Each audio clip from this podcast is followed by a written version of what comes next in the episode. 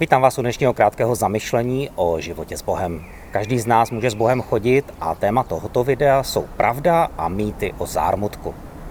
Bolestivé události a zármutek se nikomu nevyhýbají. Biblická kniha Job je ukázkou toho, jak někdy můžeme být neužitečný, když někdo prochází hlubokým zármutkem a my na to neumíme reagovat. Když tento problém řešíme špatně, můžeme lidem ublížit. A pokud to řešíme dobře, můžeme druhým velmi pomoci. Nevyřešený zármutek totiž lidem brání prožívat blízké vztahy s ostatními. Brání lidem zažívat boží lásku a milost a může to zkomplikovat proces odpuštění, protože bolest ze ztráty vtáhne člověka zpátky do cyklu bolesti. Když lidé prochází zármutkem, mějme na paměti to, co jsme podrobně procházeli v dřívějších dílech. Jaké postoje přináší požehnání a obnovení? Ježíš říká, že požehnaní jsou pokorní, plačící, mírní, kteří se nechají poučit, hladoví neboli aktivní, odpouštějící, čistého srdce a motivů, tvůrci pokoja odvážní, kteří snáší i pro následování. To hlavní, co potřebujeme lidem v zármutku dovolit, je možnost prožívat svou bolest, plakat a truchlit, protože v Matoušově Evangeliu 5.4 je napsané blaze plačícím, neboť budou potěšeni. Bolest a zármutek přichází přirozeně při životních ztrátách a změnách. Smrt milovaného člověka, smrt domácího mazlíčka, ztráta zaměstnání, přestěhování nebo vzdálení přátel a rodiny, zhoršení zdraví, fyzické nebo duchovní zneužívání a související ztráta důvěry. Má zármutek nějaký vývoj? Někteří lidé se se zármutkem vyrovnávají rychle, někteří pomalu, někteří dobře a někteří hůř. Záleží to i na povaze člověka. Někdo je odolný a někdo křehký. A také na závažnosti ztráty. Malé zklamání je jiné než velká životní ztráta. U někoho bolest postupně opadá a zmenšuje se. Někomu se bolest na tu připomínku stále vrací, ať je to výročí úmrtí, setkání s přáteli, kteří o smrti nevěděli, otevření téhle vzpomínky na skupinovém setkání a další. Je to opakující se bolest ze ztráty, kterou musí pochopit jak člověk, který zármutkem prochází, tak ti, kdo ho podporují. Když tomu nerozumíme, tak můžeme truchlícímu chtít pomoct, ale místo toho děláme a říkáme věci, které jsou velmi neužitečné. Proces truchlení a zármutku nemá žádný pevný vzor, ale existují některé společné prvky. Zármutek se projevuje pocity a chováním, eh, které jsou společné. Člověk je nemusí zažít všechny, ale některé se mohou znovu a znovu vracet. Některé společné prvky truchlení jsou tyto. Šok a otupilost.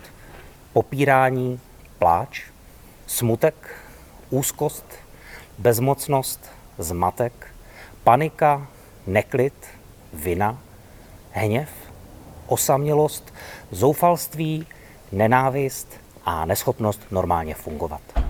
Ztráta je nevyhnutelná, ale zármutek je naše volba. Zármutek je klíč k duchovnímu růstu. Protože je zármutek nepříjemný, tak se mu lidé snaží vyhnout. Ale popírání bolesti a pocitu je zdroj mnoha problémů. Měli bychom umět nad ztrátou zdravě truchlit. Zármutek je jediná vhodná reakce na ztrátu. Popírání je nezdravé. Nevyřešené konflikty jsou zdrojem mnoha problémů. Zámlotek je totiž nástroj od Boha, jak projít různými ztrátami a životními fázemi. Když nejsme zarmouceni, tak uvízneme v té věci nebo v tom věku. Ježíš nikdy nezhřešil, neudělal nic nezdravého nebo chybu. No a Ježíš u Lazara, u hrobu svého přítele, plakal. Janovo evangelu 11.35 Ježíš se rozplakal. Smutek není slabost. Slaboch se bojí svých emocí. Čím jsi silnější a jistější, tím více ukazuješ své emoce. Bůh trpí a je zarmoucený s námi. Emoce pochází od Boha. Bůh je smutný, pláče a lituje. Jsme k jeho obrazu a to nás odlišuje od zvířat. Někdy ale popíráme to, čím jsme Bohu podobní a dělá nás to lidskými bytostmi. Pokud neprožíváš zármutek a smutek, tak si robot. Když máme bolest, tak Bůh je na naší straně a vstupuje do naší bolesti. V Žalmech 34.19 Bůh hospodin je blízko strápeným srdcím. Sklíčené v duchu on zachrání. Zármutek potřebuje čas. Nejde to uspěchat. Nejde to přehnat. Buď v truchlení tak dlouho, než tím projdeš a skončí to. Kniha Kazatel říká, je čas naříkat a smát se, čas radovat se a truchlit. Jsou to období života. Není to den nebo týden. Když Mojžíš zemřel, tak 30 dní naříkali a truchlili nad jeho ztrátou. Jsme ale v pokušení to rychle spravit. Ale ono to nejde uspěchat. Když spadne dítě na kole a naříká, tak co slyší? Nebreč, prosím tě. No ale co je horší? Bolest nebo ten nářek? Naučíme se to potom a vezmeme si to do dospělosti. Bolí to, ale nebreč. Nedělej hluk, neobtěžuj. Potřebovali bychom radši děti naučit správně naříkat. Nemůžeš se dostat přes svou bolest, pokud si ji neuvědomíš, pokud ji nepřijmeš a pokud si ji nedovolíš cítit.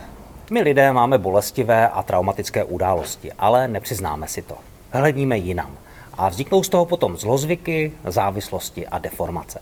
V příštím díle se podíváme na kroky, jak se pohnout po ztrátách v životě, jak jít dál a jak se nezaseknout a neuvíznout. Tak dneska je to všechno. Doufám, že vás vyučování inspirovalo k emocionální upřímnosti. Pokud vás to video pozbudilo, tak ho prosím sdílejte. Začněte nás odebírat, komentujte, dejte like, ať se dostane k co nejvíce lidem. Všechny díly najdete na YouTube, Facebooku a Spotify Církev pro region. Mějte se dobře.